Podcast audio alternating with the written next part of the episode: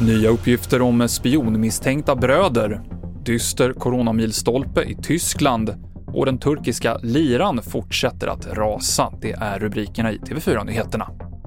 Ja, två bröder sitter sedan tidigare häktade misstänkta för grovt spioneri mot Sverige.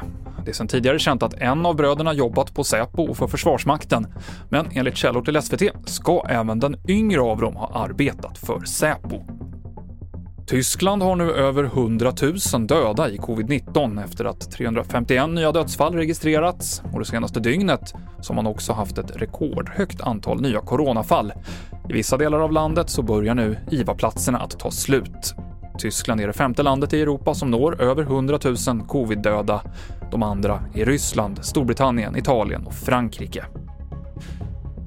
Det svenska kungaparets planerade besök i Jämtlands län som skulle ägt rum nästa vecka skjuts nu upp till nästa år, det meddelar den lokala länsstyrelsen. Det beror på ökande smittspridning av covid-19.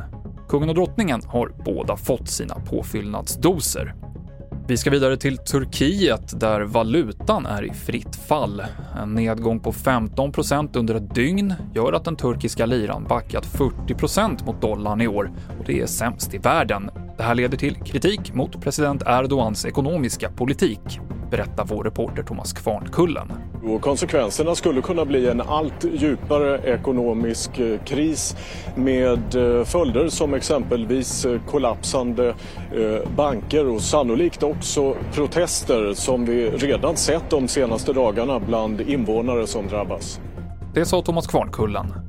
Vi avslutar med att berätta att en golfklubb i Yorkshire i England tvingades stänga tillfälligt efter att två storvuxna grisar vid flera tillfällen tagit sig in på banan och skadat både golfare och personal.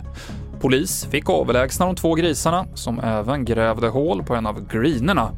Två personer fick lindriga skador i benen efter sammanstötningar med grisarna och fick ta stelkrampssprutor. Det här rapporterar Sky News. Mer nyheter finns i appen TV4 Nyheterna. Jag heter Mikael Klintevall.